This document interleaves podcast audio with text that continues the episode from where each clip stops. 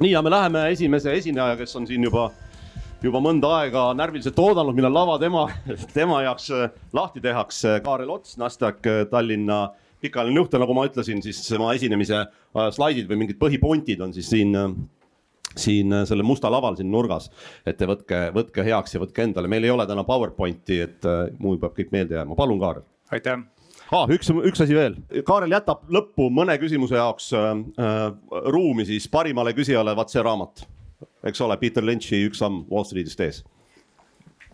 hea raamat. see väga keskkonnasõbralik ei ole muidugi, et me jagame teile paberi peal äh, handout'e, aga me peame kuidagi selle neutraalseks tegema, siis ma pean spetsialistidega rääkima, et kas, kui kaua ma autoga ei tohi sõita või. aga te ei pea seda jälgima presentatsiooni ajal, aga ma arvan, seal on paar head sellist visuaali, mis võib-olla annavad edasi seda, seda jutu mõtet. muide, kas keegi juhtus vaatama eelmine nädal Tamodarani webinari? tasuta oli võimalik vaadata, Nordic Business Forum korraldas seda väga hea webinar oli, on muuseas järelvaadatav kui tahate saada slaide, kui tahate saada seda linki, kirjutage mulle Messengeris, ma saadan teile. Tamodaran esines kaks aastat tagasi Helsingis äh, Nordic Business Forumil ja ta on kirjutanud ka ühe jube hea raamatu, mille Äripäev on tõlkinud eesti keelde, Narratiiv ja numbrid. ja ta rääkis seal äh, webinaril, selle äh, pealkiri oli hästi intrigeeriv. Illusion of smart money ehk et targa raha illusioon kui te peaksite praegu pakkuma, äh, mis on see peamine narratiiv, mis on äh, siis loll raha ja, ja mis on tark raha? pakkuge lihtsalt välja, mis teile esimesena tuleb pähe? suur raha on tark raha, loll raha on väike raha. noh, ka võib nii, et ta ütles, et, et noh, aastakümnetega või võib-olla isegi sadadega on äh, see kujunenud niimoodi, et see loll raha on jaeinvestor ja tark raha on siis äh, fondiinvestor, eks. ja ta ütles, et, et võib-olla isegi kunagi oli seal mingi point, sellepärast et infot oli vähe ja siis äh, professionaalsetel investoritel oli infot rohkem, siis nad tegid teadlikumaid investeeringuid. ja ta nagu päris jõuliselt pani puid alla sellele mõttele, ta ütles, et see on ammu ei ole enam niimoodi et infot on vastupidi täna liiga palju. et see tekitab teisi probleeme, et sellest me oleme siin rääkinud äh, eelnevatel aastatel, et äh, psühholoogid on uurinud, et inimese aju hakkab ennast kaitsema liiga palju info vastu ja kuidas seda teeb, ta lõpetab selle töötlemise sootuks. ehk et ta võib tõesti muutuda lolliks rahaks, mis järgib teisi. aga tema point oli see, et, äh, et lõpetage ära stupid ja smart money, et kasutage hoopis humble ja arrogant ehk et tagasihoidlik ja arrogantne raha. ja põhjendas seda niimoodi, et äh, õnne on osakaal edus on palju suurem kui oskuse. ja siis ta kutsus ka üles igasuguseid fondijuhte, et kui te tahate minuga vaielda, et palun, et ma viskan kinda, et äh, aga see humble või see tagasihoidlik raha peaks siis olema see, kes kui ta ka pihta kobistab mingisugusele heale investeeringule, siis ta julgeb seda tunnistada, et tõenäoliselt oli seal väga palju õnne. ja selliseid investoreid, nii era- kui fondi, kes suudavad pikka aega järjest näidata väga head tulemust, neid annab otsida tikutulega. ja see raamat, mis on ühele küsijale välja pandud, noh, see vend on üks, Peter Lynch, kolmteist aastat, keskmiselt kolmkümmend prossa pakkus investoritele tootlust. aga nagu ma ütlesin, et noh, päris vähe ja sellest on ka päris palju aega tagasi juba. Lynch on öelnud, et äh, sealsamas raamatus muuseas, et USA-s on üle kuuekümne tuhande majandusanalüütiku, et tänaseks on neid vist rohkem, kes saavad palka selle eest. et ennustada, mis majandusega juhtuma hakkab. ja ta ütles, et neist peaaegu mitte keegi ei suuda kaks aastat järjest pihta panna. ühe raamatu soovituse ma annan veel kohe alguses ära äkki te tõlgite ära selle kunagi, see on Robert Schiller, äh, Narrative Economics. see anti välja eelmisel aastal. Schiller on muuseas majandusteadlane, saanud Nobeli preemia. ja tema ütleb, et üks suur põhjus, miks ei suudeta pihta panna tulevikule, eriti äh, majanduse võtmes, on see, et äh, on harjutud liiga palju keskenduma minevikule, statistikale ja andmetele. Ja liiga vähe sellele, mida inimesed räägivad.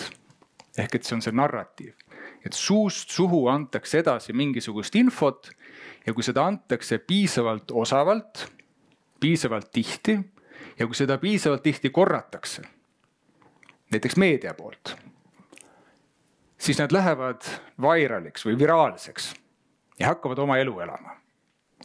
ja ta ütleb, et sellele ei pöörata piisavalt tähelepanu ajastul, kus me räägime interneti trollidest, kus me räägime fake news'ist. et see on üliülioluline. ja toob näited, et no millised on äh, praegu siis viimaste võib-olla kümne, kahekümne aasta sellised narratiivid, mis elavad oma elu inimeselt inimesele siis äh, infot edasi andes. et tehnoloogia aktsiad saavad ainult üles minna, et kinnisvarahinnad ei saa kunagi kukkuda. Et mõned firmad on too big to fail et keskpangad peavad kulda hoidma ja nii edasi. ja niikaua, kui need korratakse, neid mõtteid, nii kaua nad elavad. ja siis ta toob ühe näite äh, suurest depressioonist, mis USA-s oli noh, üheksakümmend aastat tagasi. et see on esimest korda, kui hakati äh, nimetama, kui börs kukub, et seda hakati kutsuma crash'iks. et ennem oli autoavarii oli crash või mingi õnnetus oli crash.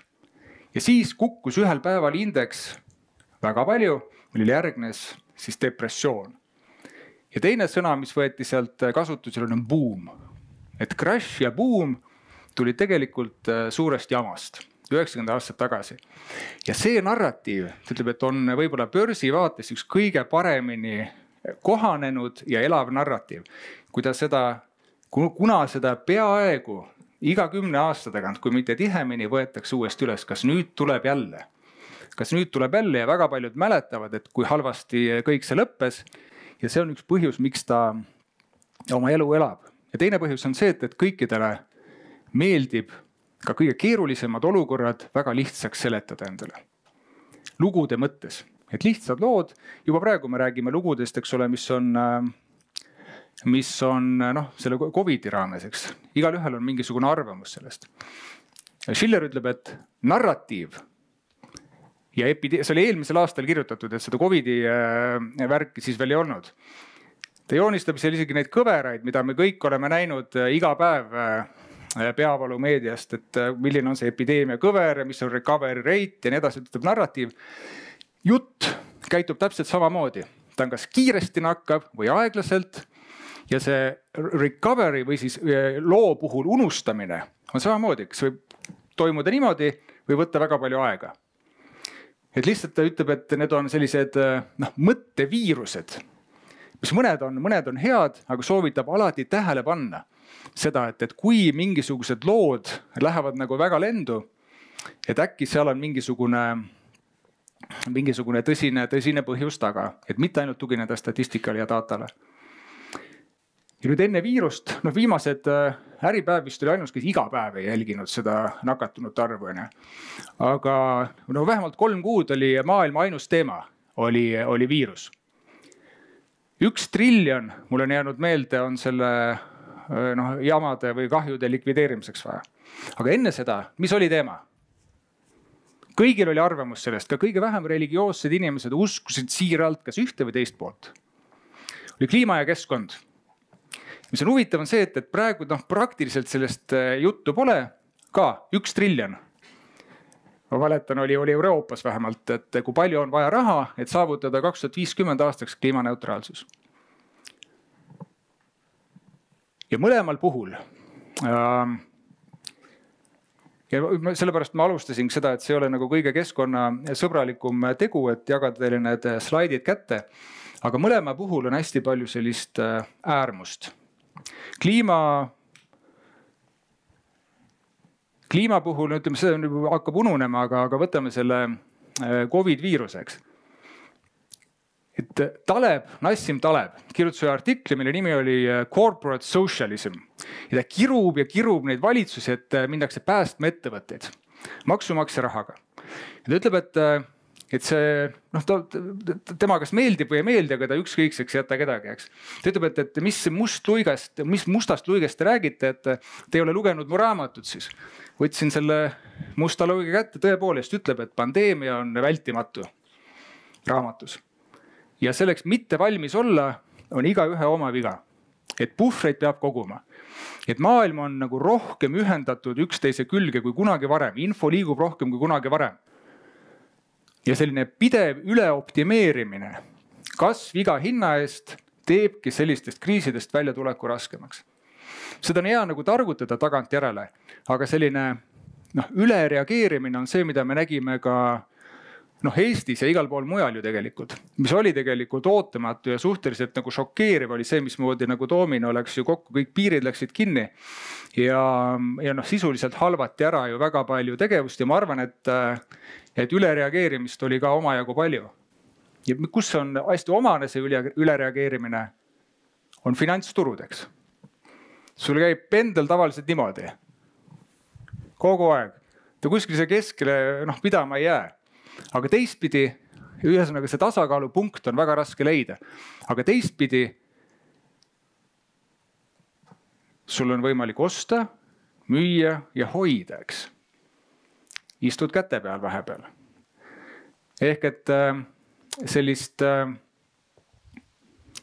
tasakaalu ja, ja, ja, ja keskpunkti on äh, ütleme, see on jällegi selline psühholoogiline asi, et professionaalsed reklaamitegijad suunavad sind alati, et sa pead valima kahe vahel. kellel on lapsed, need valivad ka kahe vahel, et kas sa sööd seda või sööd teist, on ju, kas sa pead selle selga või selle selga. et see on kuidagi hästi nagu sisse juurdunud. kui me mõtleme tagasi mis tagasi, me ei ole sellest kriisist väljagi tulnud veel. me alles hakkame vaatama, kuidas, kuidas kõik läheb. mis on kõlama jäänud? ühelt poolt me peame panema täisgaasil edasi, me peame ära unustama igasuguse kliimateema, niikaua kui me oleme nii-öelda back to normal. me teeme kuuepäevaseid, kui vaja, ka seitsmepäevaseid äh, töö, töönädalaid. ja teine pool ütleb, et me ei taha üldse tööle minna enam. et me teeme ennast nii väikseks kui vähegi võimalik ja nüüd hakkame puhvreid koguma. üks pool ütleb, et äh, meil on vaja ülioptimeerida, meil on vaja üle tarbida, et saavutada samasugune majanduskasv, mis oli enne. ja teine pool ütleb, et me hakkame nüüd ostma ainult seda, mida päris, päris, päris on vaja. siis investeerimisest. sa saad investeerida ainult siis, kui sa sööd iga päev ainult makarone. on ju? et seal on väga palju sellist, sellist noh ütleme siis muid värve kui, kui must ja valge. Leon Meginson, see on üks esimene pilt, mis ma sinna panin. mina arvasin kogu aeg, et seda ütles Charles Darwin. vähemalt niimoodi mul on äh, mulje jäänud, siis ma tegin mingisuguse kiire fact check'i tuli välja, et on, see on Louisiana osariigi professor, ütles kuuekümne kolmandal aastal ja ta õpetas majandust seal. ja Darwin ja mina mõtlesin, et ta rääkis nagu liikidest noh, loodus ja keskkond, mõtlesin, et jube hästi sobib siia ettekandesse, aga mõtlesin, et noh, majandusasi sobib võib-olla veel pareminigi. et kõige või ellu jääb see, kes suudab kohaneda. ja teie kui investorid ja teie noh, ütleme põhi, põhi, ütleme siis küsimus või, või põhiline väljakutse ongi selekteerida välja need ettevõtted, kes suudavad kohaneda. see kriis võib olla see viimane siis nüüd see võib-olla oli selles mõttes äh, või on kõige ekstreemsem, et äh, ma ei usu, et, et keegi kujutas ette, et noh, niimoodi suletakse kõik. aga see ei tähenda seda, et äh, ütleme, see Talebi point, et, et puhvrite mitte olemasolu ei ole nagu noh, maksumaksja probleem otseselt. kakssada aastat tagasi, kui te vaatate seda see on maailma, maailma majanduskasv. Kakssada aastat tagasi, umbes tuhande kaheksasajandatel öeldi, et äh, noh, toonased äh, analüütikud ütlesid, et no nüüd tundub, et äh, on lagi vastas. et siit me nüüd edasi noh, palju ei kasva. see oli tuhat kaheksasada, vaadake onju, see on selline sile joon seal. et sellest ajast tänaseni on ta maailma majanduskasv siis kasvanud kaheksakümmend korda kaheksakümmend korda. Ja ma arvan, et selle kasvu juures praktiliselt kõik on hea. ma arvan, börs on äh, kapitalismi sümbol börs on toonud seda kapitalismi rahvale lähemale. kui te nüüd lappate edasi natukene, siis üks sarnane pilt on CO2 pilt. ja see nüüd on äh, kuskilt ma lugesin, et, et kapitalismi on, on asutanud äh, süsinik. Et sisuliselt nad klapivad nagu üks-ühele üksteise peale, eks. et kui äh, kasv läks kiire lahti, see on klassikaline iga, iga ettevõtte unistus, selline hokikepi äh, kõver, eks. kasv läks lahti noh, kuskil tuhat üheksasada viiskümmend, siis sealt, täpselt sealt on läinud üles siis CO2 ja mida noh, eriti viimastel äh, aastatel ja viimastel kümnenditel võib-olla veavad äh, Hiina, India. Ja see nüüd ei tähenda seda, et äh, me otsustame samamoodi ja ma ei ole mingisugune majandusteadlane või, või prognoosija, et nüüd on lagi käes. ma arvan, kaugel sellest. see tähendab lihtsalt seda, et me ei pea täpselt samamoodi edasi panema.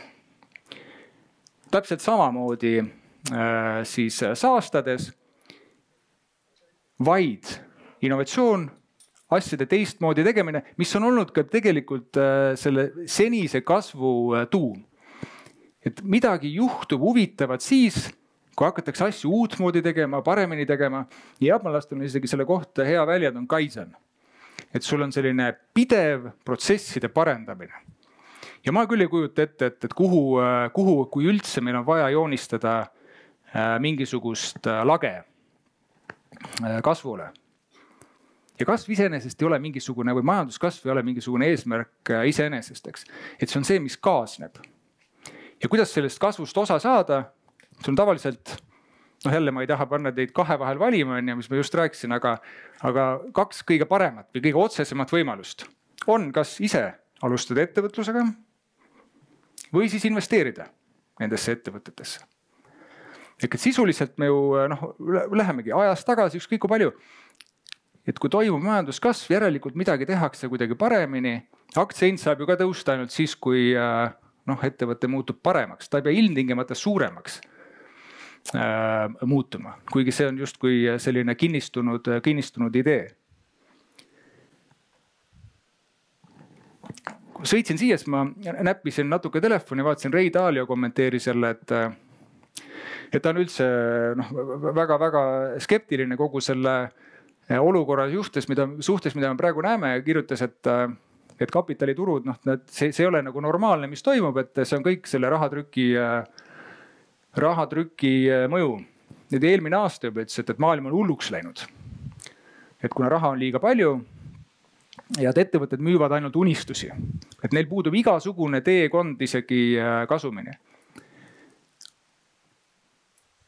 ja kui see Covid lõi peale, siis kuidagi tundus, et, et noh, nüüd on nagu mõõn ja siis noh, näitab nagu Buffett ütleb, et kes siis alasti ujuma läks, et tuleb välja. ma arvan, mõned tulidki välja, aga tegelikult, kui me hakkame mõtlema, et raha pole kuhugi kadunud ju, et, et pigem seda trükitakse nagu hullumeelselt juurde.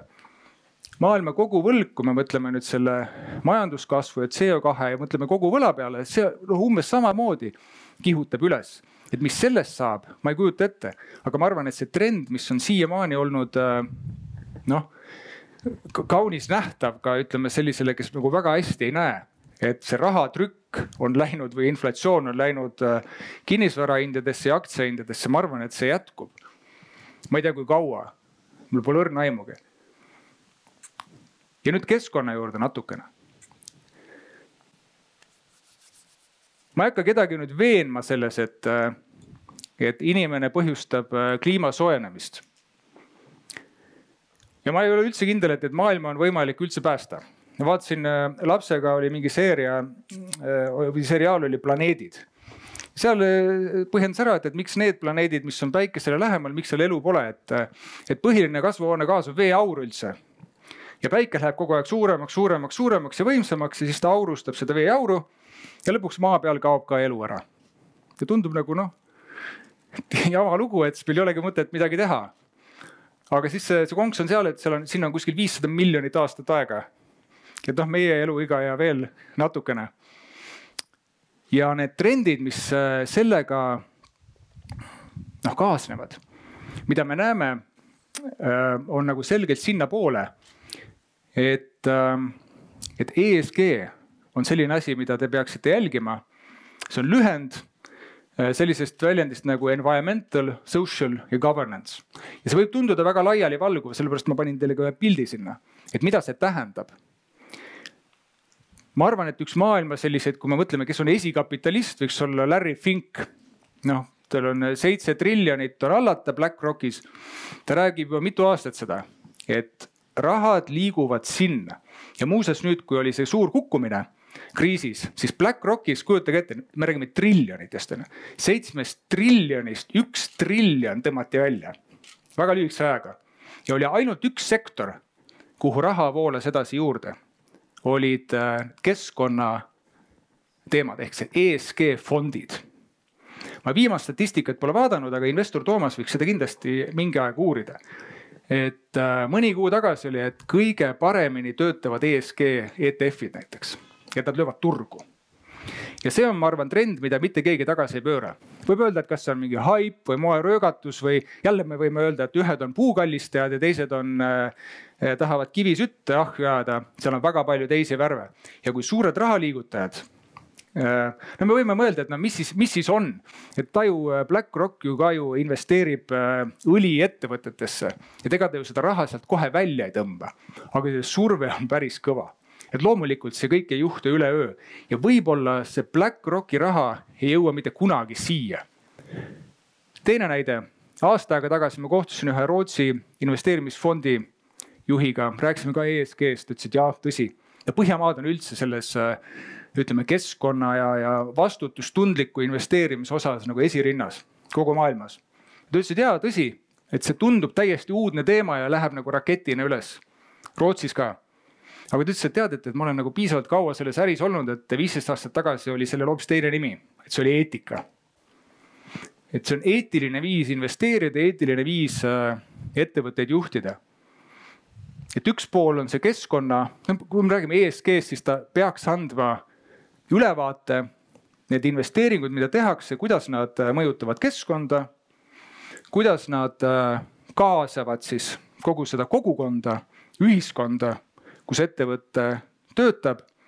ja kolmas on, on juhtimine. kui läbipaistev see on? Äh, noh, näiteks Goldman Sachs, noh ka ei saa öelda, et oleks selline sotsialistlik asutus, eks, ütles, et nemad ei tee ühtegi IPO-t nende juhtidest, nad ei tee mitte ühtegi IPO-t, kui selles ettevõttes ei ole nõukogus naisi. jälle võime öelda blablabla bla, bla. see on, need on noh, päris, päris elu ja muidugi nemad said vastu pead sellepärast, et nad ei, ei toonud välja, mis riikides nad ei tee. siis ta täpsustas, et nad ei tee Euroopas ja USA-s. aga Aasias noh, tundub, et nad näevad, et sinna läheb veel noh omajagu aega. aga need trendid on nagu sellised päris äh, Ehm, noh, selgelt näha. ja miks need tulevad? See on hästi lihtne tegelikult, see on selline klassikaline nõudluse ja, ja pakkumise teema.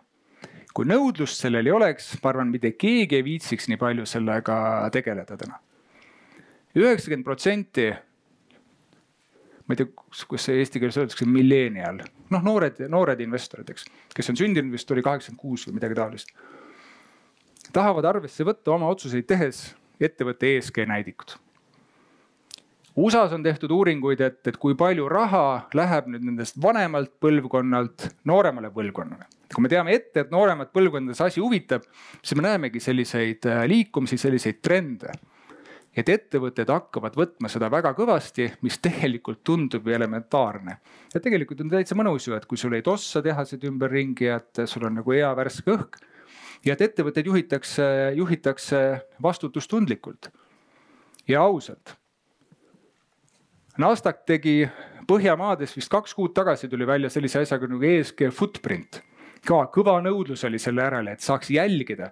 seal on üks pilt ka, te saate vaadata, et mida saab investor vaadata äh, siis äh, selle tema investeeringu kohta. kuhu siis see raha läheb. et ma arvan, see on väga põnev äh, põnev trend, mida võib-olla jah, me kuidagi oleme natukene sabas, jookseme sellega. Aga noh, üks on kindel, et see trend tagasi ei pööra. investeerimine ja väärtused käivad palju rohkem käsikäes kui kunagi varem. ja minu soovitus on teile hästi-hästi lihtne, et otsige ja jälgige neid ettevõtteid, kes võtavad seda teemat tõsiselt. no Eestis on hea näide, on LHV, kes tuli välja oma sellise rohelise programmiga, eks ma arvan, et keegi ei tee seda igavusest, et neil kellelgi oli, hakkas igav ja siis mõtles, et teeks selle rohelise teema. et seal on, seal on äri, seal on raha, et jälgige seda ja otsige selliseid ettevõtteid, kes, kellel on selliseid väärtusi samuti. mitte sellised klassikalised, ütleme senised sellised jõulised kapitalistlikud nagu omakasu, efektiivsus, kasv aga ka natukene selliseid pehmemaid ja, ja ütleme jah, ütleme selliseid kaugemale vaatavaid väärtusi, mis on kannatlikkus, empaatia, no ma ei tea, eetika ja terve mõistus. ja siis võib-olla järgmine aasta või ülejärgmine aasta saame vaadata, et kas see trend on läinud edasi või, või pööranud tagasi. sellega ma lõpetan. Meelis, küsimusi, kui on? no ikka on, aitäh, Kaarel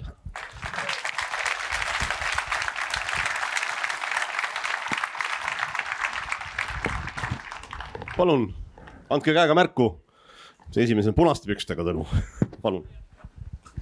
aitäh. Äh, küsimus, et kui ma nüüd Tallinna börsil tahan äh, investeerida, et kuhu ma siis investeerin, et LHV leidis mainimist, aga Baltikasse paneb tootmist kinni, et väga keskkonnasõbralik. aga mis variandid on veel Tallinna börsil?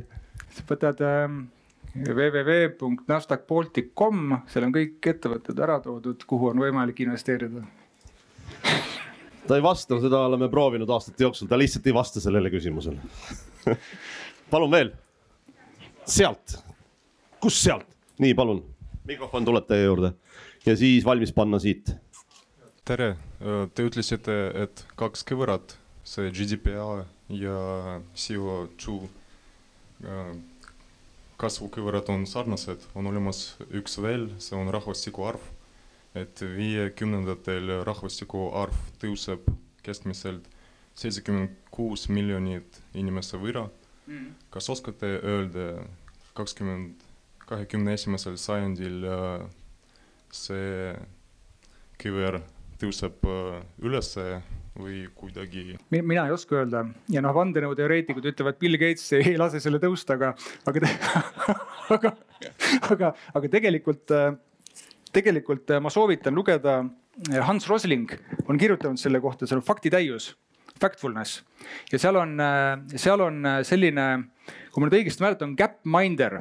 Nad on teinud gapminder.org vist on ju ja sealt sa saad vaadata, nad on joonistanud neid kõveraid ja kui ma õigesti mäletan, siis rahvastiku arv peaks nüüd stoppama. ma enam ei mäleta, millal, aga, aga kas kümne, kümne, jah kümne-üheteist miljardi peale, et nemad noh prognoosisid seal UNICEF-iga, et siis ta peaks stoppama ja hakkama langema. aga mina ei tea, peab ise jälgima. suur tänu. jah, ja siis mul on siin üks küsimus. et äh, millist rolli mängib haridussüsteem ESG äh, eesmärkides, et kas see pigem äh, toetab või eirab ESG põhimõtteid? ma arvan muidugi toetab, on, on väga ühene, ühene vastus, et lihtsalt ma arvan, et sellele on hakatud rohkem tähelepanu pöörama, sellepärast et noh, võtame nüüd kasvõi selle viimase eh, põhiteema, mis oli Covid ja siis selle eelmise põhiteema, mis oli kliima, see korrelatsioon minu meelest on ilmselge seal et kui sul läheb nagu selliselt edasi keskkonnaga mitte arvestamine, kliima soojenemine, et siis siukseid jamasid tekib lihtsalt rohkem. et see on äh, lihtsalt nagu rahaliselt juba kasulik neid ennetada, sellega tegeleda äh, kuna lihtsalt, äh, kui ütleme, ettevõtetel muutub raha kaasamine selle tõttu kallimaks, et nad ei tee mingisuguseid samme, mida investorid nõuavad, siis noh, päeva lõpuks jõuab igaühe rahakotti. sest kui me räägime, noh riik teeb või ütleme, Euroopa Liit teeb triljon siit triljon, sealt, kustkohast see raha tuleb, võime öelda muidugi, et trükitakse aga noh, mingisugused maksud ikkagi tõusevad, et, et inimesi motiveerib ikkagi selline incentive või noh, mingisugune selline noh, mis paneb teda oma, oma raha pärast äh, ka muretsema, eks. et loomulikult on ülioluline, nagu ka paljude muude teemade. kolm küsimust on olnud, üks veel.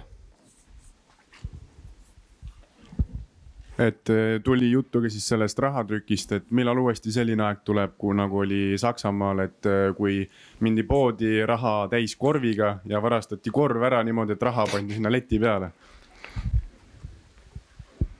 mulle meeldib kõige rohkem et- Talebi see seisukoht, et, et peaks olema rohkem selliseid inimesi, kes ütleb, et ma ei tea, et meil pole õrna aimugi.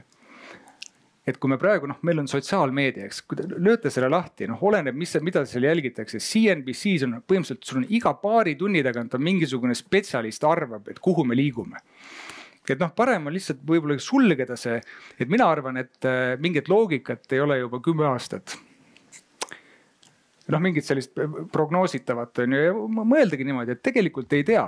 Et proovida niimoodi, et äh, noh, munad on natukene eri korvides on ju, et kui tuleb selline olukord, noh, mida ta tõesti hirmsasti kardavad, et, et miks seal on ka üüriturg selline. aga ma ei tea ma arvan, et sellest kirjutatakse õpikuid ja majandusõpikutes võib-olla kümne-kahekümne aasta pärast on see, et, et kus oli selline uus huvitav peatükk on ju. me ei tea, kuidas see lihtsalt eksperiment lõpeb siis on see juba aegunud, see info, kui see raamatus. Tõsi, aga huvitav ikkagi tulevastel põlvedel lugeda.